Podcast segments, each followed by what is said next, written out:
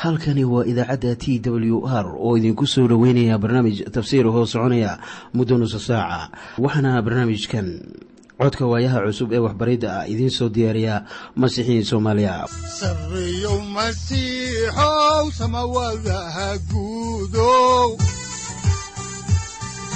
siraadkii adduunkow subanaha eebow sareyow masiixow samawadaha guudow siraadkii adduunkow subanaha eebow adigoo samaada jiro ifkan soo saldhiganba adigoo samaada jiro ifkan soo saldhiganba kutubtiisanaye udanogu saaciiday sharxin sifahaaga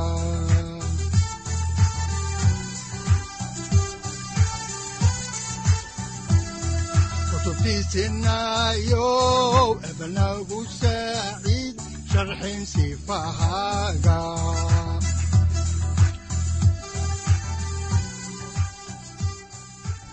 ku soo dhowaada dhegeystayaal barnaamijkeena dhammaantiinba waxaanu caaway sii ambaqaadi doonaa daraasaadkii la magac baxay baibalka dhammaantii. Waxaanu caaway idiin sii wadi doonaa injiilka sida yuuxanaa u qoray cutubka tobnaad. Waxaanse jeclaan lahayn in marka hore aynu wada dhegaysanno qhasiidadan madiixa. ah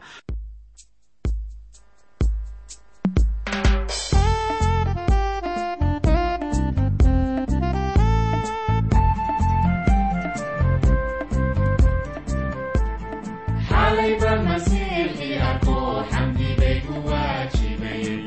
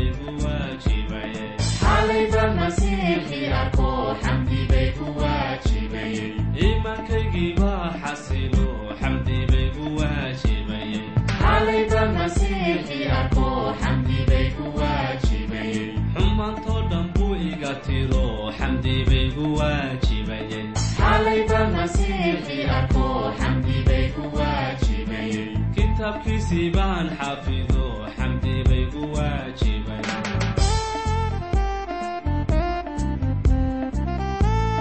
xalayba masiixii arko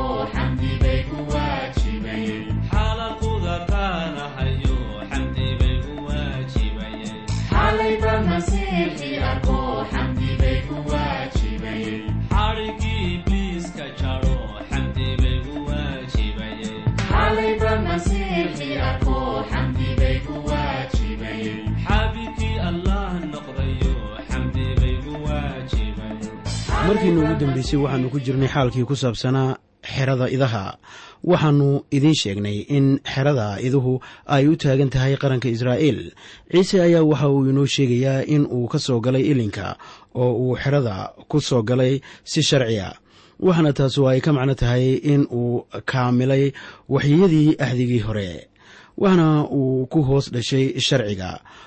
Waxaan kaloo horay u soo aragnay iridda xerada idaha. Waxaa haddaba ku qoran cutubka afraad aayadda afraad ee warqaddii rasuul bawlos u qoray dadka galaatiya oo ka mid a axdiga cusub sida tan. Laakiinse markii wakhtigii buuxsamay ilaa waxa uu soo diray wiilkiisa isagoo oo naa ka dhashay oo sharciga ku hoos jira ama ku hoos dhashay. Waxa uu haddaba ka soo farcamay daa'uud taasoo horeyba loo waxyooday. Sida ku qoran abtirkiisii ku qoraa injiilka sida luuka hoosu qoray.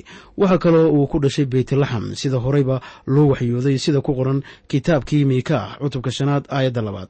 Ma ahayn oo keliya inuu ka soo farcamay daa'uud laakiin waxa uu ka dhashay bikrad sida ku qoran waxyigii ishaaciya oo isna ku qoran kitaabka ishaaciya cutubka toddobaad aayadda afar iyo tobanaad. Wakhtigaas uu dhalanayay ciise ayaa uu noqday jiridda yeesay. Sida ku qoran kitaabkii ishaaciya cutubka koob iyo tobnaad aayadda koowaad.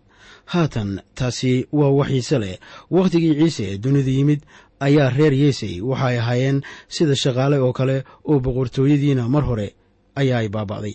Markaana ma jirin aqal boqortooyo. Yeesey waxa uu ahaa beereley reer beytlaxama waxaana uu ahaa mid idaha dhaqaalaysta wiilkiisii daa'uud ayaa lagu subkay saliiddii boqornimada markaana wax kasta ee ka soo farcama daa'uud ayaa waxa ay noqonayaan faracii boqortooyada. Laakiin markii ciise oo masiixa ahi dhashay waxa uu noqday biqil ka soo biqlay yeesey oo ahaa markaas xogsato. Ciise masiix waxa uu ahaa nijaar waxaana uu xirnaa dharka nijaarada. War maxaa la kaamilay waxyiga ku qoran kitaabka ishaaciyaha cutubka koob iyo tobnaad aayadda koowaad ee lahaa oo jiridda yeesey biqil baa ka soo biqli doona oo xididadiisana laan baa ka soo dhalan doonta. Isagu waa masiixa waxaana uu ka soo galay ilinka haddaba ma jiro qof kale oo lahaa ama haystay. Aqoonsiga uu isaga ciise masiixa ahi haysto.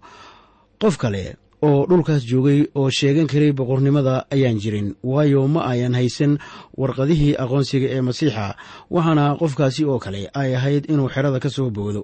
Sidaan ognahayba cutubkii sagaalaad waxaanu ku aragnay in ninkii uu u furay indhaha ay madaxdii diintu ka bixiyeen macbudka.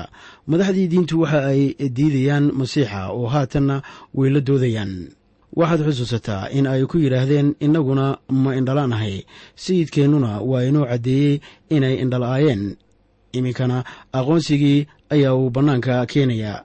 Haddaba bayaan la yaab leh ayaa uu halkan inoogu sheegayaa waxaana weeyey in israa'iil ay tahay xerada idaha.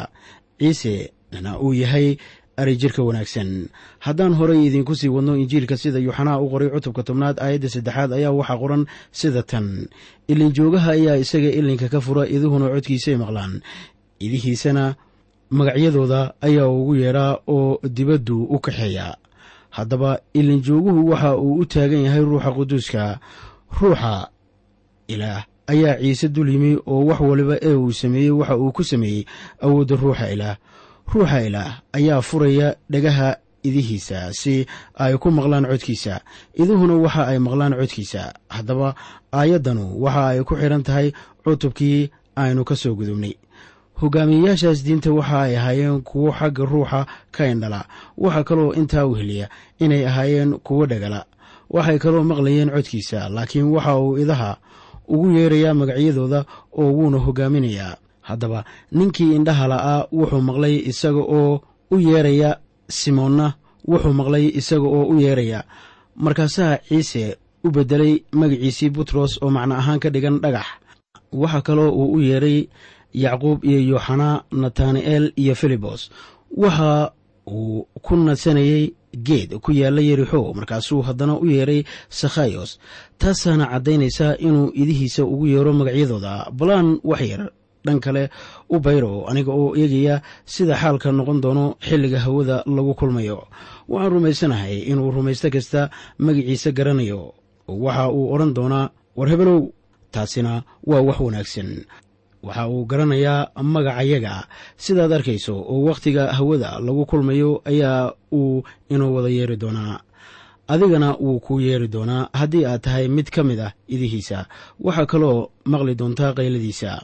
Waxa uu idihiisa ka wadayaa xerada idaha oo ah israa'iil iyo diintooda. Soo arki maysid madaxdii diinta waxa ay eryeen ninkii bogsiiyey oo uu indhaha u furay ciise waxa uu ka hogaaminayaa idaha xeerarka iyo caadada yuhuudda. Haddaanse halkaa ka sii wadno ayaa waxaa ku qoran injiilka sida yuuxanaa u qoray cutubka tobnaad aayadda afraad sida tan. Markuu kuwiisii wada saaro wuu horkacaa iduhuna way raacaan waayo codkiisay garanayaan. Waxaan dhammaantayo wada garanaynaa in xooluhu ay garanayaan ka iyaga raaca ama dhaqaaleeya. Markaana dhulkaas reer banu israa'iil waxaa ilaa iyo haatan ku yaalla xerooyin idaha lagu xarayo. Marka la gaaro fiidkii haddaba iduhu waxa ay maqlayaan kan dhaqaaleeya codkiisa markaasay bannaanka u soo wada baxayaan. Halkanna waxa uu sayidkeennu ku leeyahay iduhuna way raacaan waayo codkiisay maqlaan. Waa wax wanaagsan marka dadka lagu wacdiyayo ereyada ilaah in ciise u yeerayo idihiisa. Ruuxa ilaah ayaa noqonaya kan furaya ilinka idaha markaasay codka arijiraha maqlayaan. Sayidkeennu waxa uu ka soo wadayaa idihiisii qaab sharciyeed iyo meel waliba ee aan hadalkiisa lagu faafinaynin.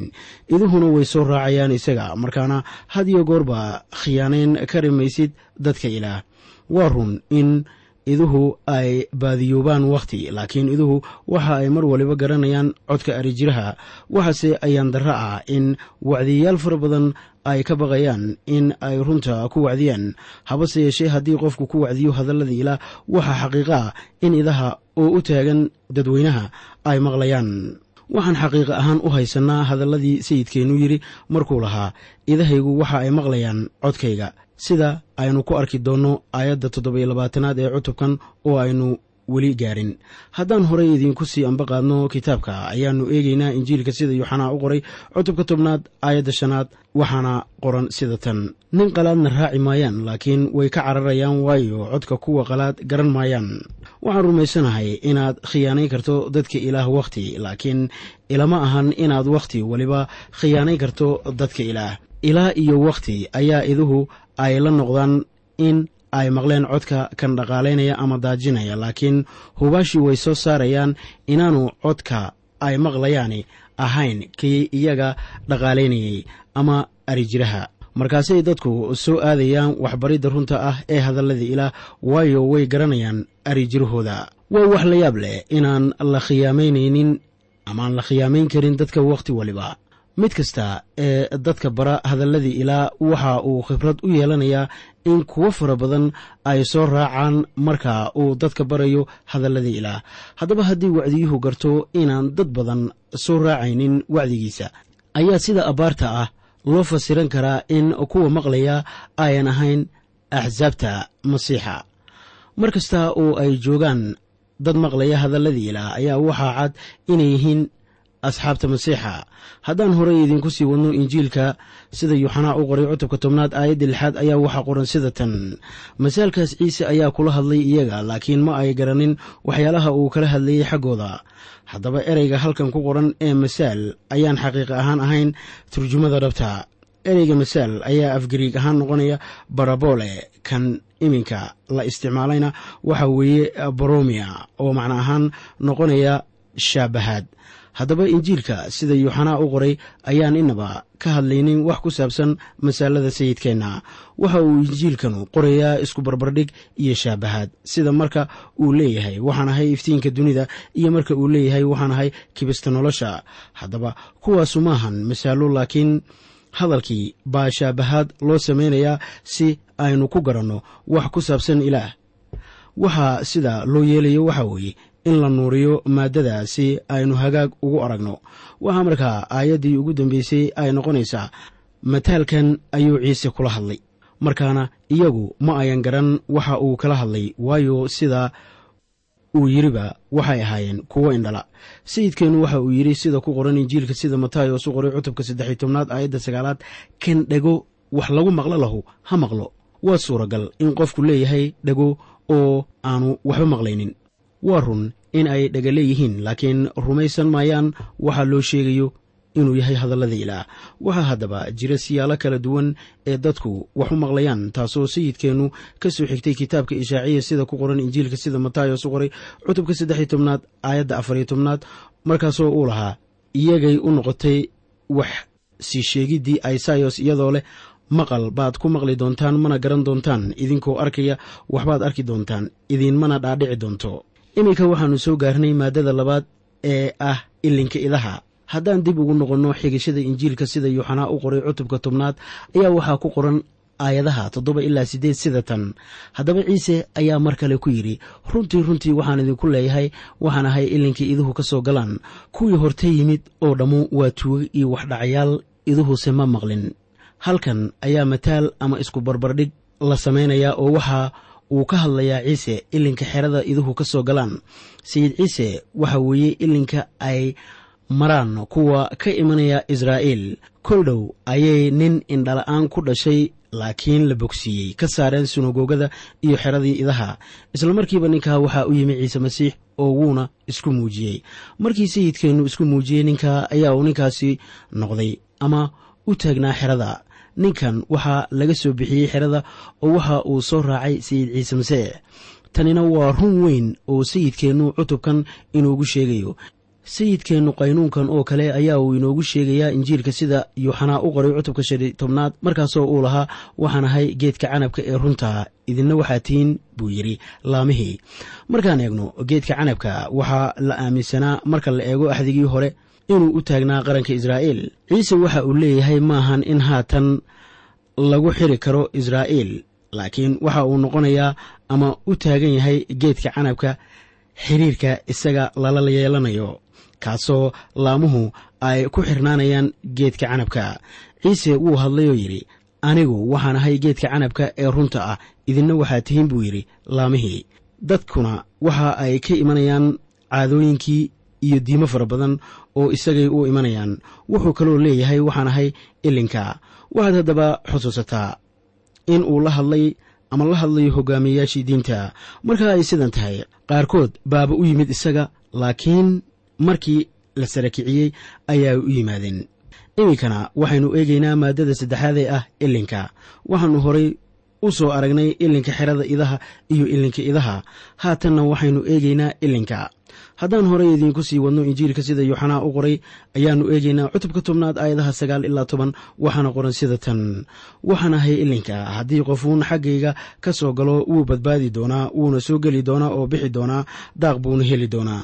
Tuugu wax kale uma yimaado inuu waxdo oo dilo oo halleeyo mooyaane.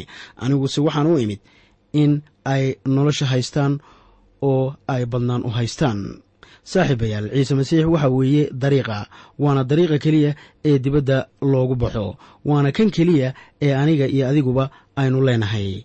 Waxa uu u yimi inuu ina siiyo nolosha oo aynu buuxnaan u haysanno. Tuuggu waxa uu u yimaadaa inuu wax dhaco oo dilo oo baabi'iyo. Ayaa uu yidhi ciise masiix waxyaabahaasna waxaad ku arkaysaa urur diimeedyada qaar kuwaasoo si xun ugu takrifala hantida ay helaan haddaan soo koobno saddexdii maaddo ee aynu ka soo hadalnay ayaan sidan u kala dhigaynaa. Kow waxaannu ka soo hadalnay ilinka xerada idaha. Haddaba xerada idaha ayaa u taagan qaranka israa'iil. Ciise ayaa idihiisa waxa uu ka soo wadayaa kuwa raacsan caadooyinka iyo diimaha ay hoos joogaan oo ciise waxa uu ka soo wadayaa xerada iyo sharciyada tirada badan ee diimaha ay farayaan. Labo waxaannu ka soo hadalnay ilinka idaha. Waxaa loola jeedaa in ciise yahay ilinka ay soo marayaan kuwa ka imanaya xeerarka iyo diimaha kuwaasoo uu u yeedhay waxaa ku qoran falimaha rasuullada cutubka labaad aayadda afraad sida tan. Hadallo kaloo badan ayaa uu markhaati ahaan ugu wacdiyey isaga oo leh naftiinna ka badbaadiya qarnigan qalloocan. Waxaana taa loola jeedaa in aad ka soo gudubtaan waxyaabaha aan noqon karin hadalladii ilaah balse aad u timaadaan geedka canabka ee runta saddex.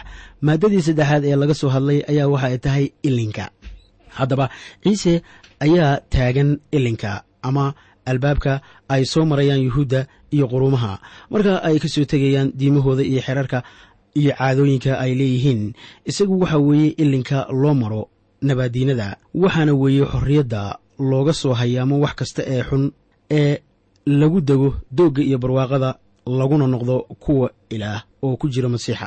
Iminkana waxaanu soo gaaray maaddadii afaraad waxaana weeye arijirka wanaagsan. Haddaan horey idiinku sii wadno injiilka sida yuuxanaa u qoray cutubka tobnaad aayadaha koob iyo toban ilaa saddex iyo toban ayaa waxaa qoran sida tan. Waxaanahay arijirka wanaagsan arijirka wanaagsanuna waxau naftiisa u bixiyaa idaha daraaddood. Kan ciidanka ah oo aan arijirka ahayn iduhuna aanay ku weyse ahayn. Kolkuu arko yeyda oo soo socota wuu ka tagaa idaha oo ka cararaa markaasee yeyduna qabsataa oo kala fadhiisaa iyaga wuu cararaa waayo isagu waa ciidan un oo idaha waxba kama gelin. Haddaan faallada u soo noqdo ayaa su'aashu waxa ay noqonaysaa sideebuu ciise marna u noqonayaa arijirka marna ilinka haddaba dhulka ma ayan lahayn xerooyin albaabkoodu xirmayo oo leh quful iyo fure amase faseexado kor lagaga xiro ha yeeshee kuwa ilaalinaya xerada ayaa waxa ay seexanayaan ilinka oo qofkaas ilinka ilaalinaya ayaa ah qudhiisa kan albaabka noqonaya. Haddaba ciise ma ahan oo keliya albaabka laakiin isagu waxa weeye arijirka wanaagsan kan jooga ilinka waana albaabka u furan nolosha daa'imka. Waa midka daafaca kuwiisa waana arijirka wanaagsan. Ciise waxaa loogu yeeraa baraarkii ilaah haddaba sidee buu ku noqonayaa baraarkii ilaah oo haddana ku noqonayaa arijirka wanaagsan? Waxa ay tanu noqonaysaa mataal isku qasan laakiin waa run weyn oo inoogu qoran qorniinka. Isagu waxa weeye sida yuuxanaa baabtiisuhuba leeyahay baraarkii ilaah oo qaadaya dembiyada dunida dunida ayaa u yimi waxaana lagu calaamadeeyey innaga oo ah idihiisa laakiin isagu waxa weeye arijirka wanaagsan.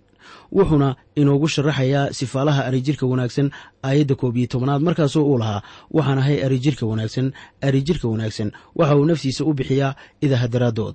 Waxaan garanaynaa in uu yahay arijirka wanaagsan sida ku qoran ducada. Ku taalla warqaddii cibraaniyada loo qoray cutubka saddex iyo tobnaad aayadaha labaatan ilaa koob iyo labaatan qayb ahaan waana baalka saddex boqol toddobaatan iyo sagaal ee axdiga cusub. Waxaana qoran haddaba ilaaha nabadda oo ka soo celiyey kuwii dhintay rabbigeena ciise masiix oo ah arijirka weyn ee idaha oo ku soo celiyey dhiigga axdiga weligiisa kaamil ha idinkaga dhigo wax kasta oo wanaagsan si aad u samaysaan doonistiisa markaana maanta isagu waxa weeye arijirka weyn ee idaha sida ku qoran zabuurka saddex iyo labaatanaad. Laakiin bal wax yar aynu yaraha kanno taasuna haddaba sawir buuxa ina siin mayso. Waxaan kaloo uu noqonayaa arijirka ugu wada weyn arijirayaasha taasuna waxa ay ka hadlaysaa mustaqbalka. Butros ayaa waxauu yidhi sida ku qoran warqadiisii koowaad cutubka shanaad aayadda afraadoo leh oo markaa arijirka sare la muujiyo idinku waxaad heli doontaan taajka ammaanta oo aan baaba'ayn. Haddaba kan loo kiraystay ayaan marnaba idaha ka taxadaraynin marka ay sidan tahay ayaa aasaasayaasha diimaha dunida ka jira waxaan badnayn u sameeyaan kuwa iyaga raacsan. Laakiin hogaamiyaasha firqooyinka bidcada ah ayaa iyagu lacag ka sameeya dadka ay hogaamiyaan waxaase iyaga oo dhan ka hor imanaya ama aan la mid ahayn arijirka wanaagsan kaasoo naftiisa u bixiyey idaha daraaddood oo isagu uu daafacaa kuwiisa.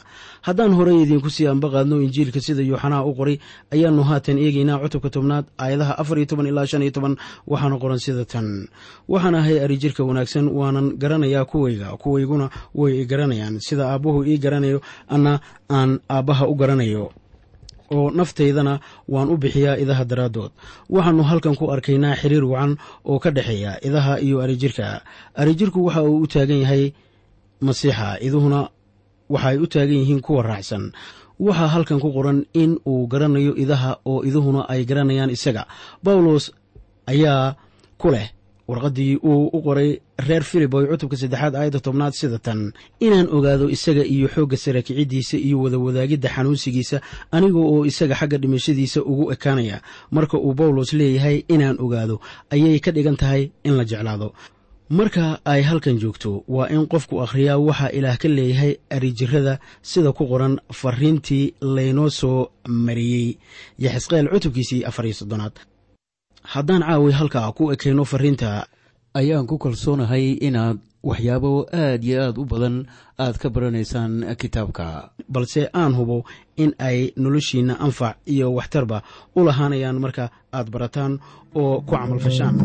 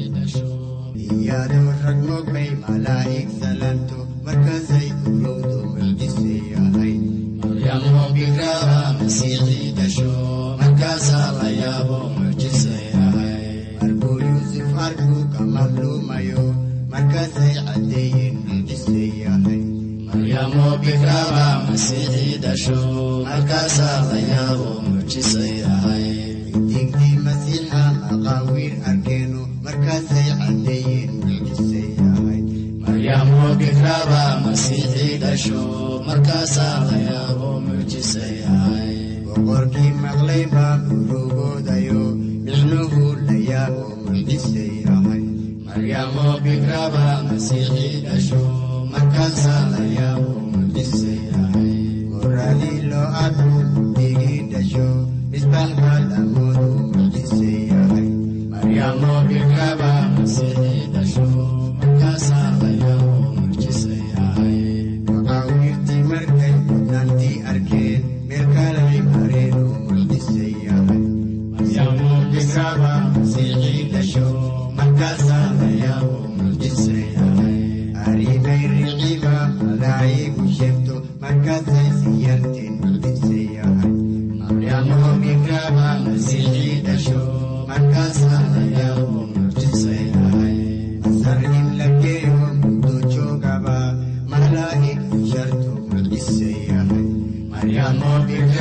misbax baa lamoodu mucjise yahay maqaawiirtii markay mudnaantii arkeen meel kalay mareen oo mucjise yahay markaasaa la yaabo mucjise yahay arrimay riciba malaa'igu sheegto markaasay siyanteen mucjise yahay markaasaa la yaabo mucjise yahay masar in la geeyo muddo joogaba malaa'igtu shartu mucjise yahay markaasaa la yaabo mucjise yahay maryamo bikraba masiixii dhasho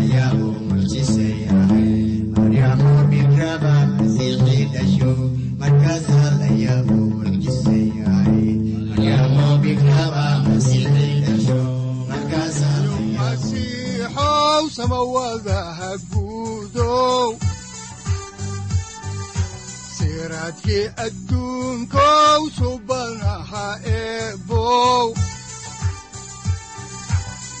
adigoo samada jiro ifkan soo saldhiganba adigoo samada jiro ifkan soo saldhiganba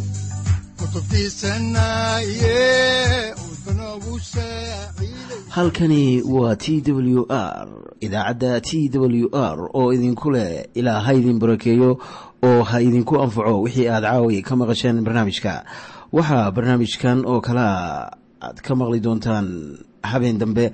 Hadahan oo kale haddiise aad doonaysaan in aad fikirkiina ka dhiibataan wixii aad caawi maqasheen ayaad nagala soo xiriiri kartaan som t w r at t w r c o k e haddii aad doonaysaan in aad dejisataan oo kaydsataan barnaamijka ama aad mar kale dhegaysataan fadlan mar kale booqo www t w r o r g amase www t t b t w r o r g. Amase waxaad teleefoonkaaga ku kaydsataa ama ku download garaysataa agabyada ku sahli karaa dhegeysiga t w r haddii aad doonayso in laga kaalmeeyo dhinacyada fahamka kitaabka amase aad u baahan tahay duco fadlan fariimahaaga soo mari bogga aaraahda ama kommentska inana jawaab degdeg ah ayaanu ku soo diri doonaa amase ku siin doonaaye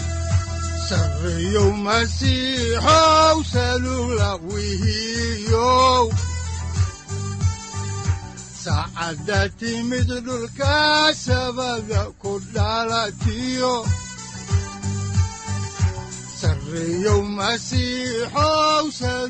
halkani waa t w r oo idiin rajaynaya habeen baraare iyo barwaaqaba leh. Inta aynu ka gaari doono wakhti aynu ku kulanno barnaamij la mida kan caawayay aad maqasheen. Waxa aan idinku leeyahay nabadda ciise masiix ha idinku badato xagga jirka iyo ruuxaba. Aamiin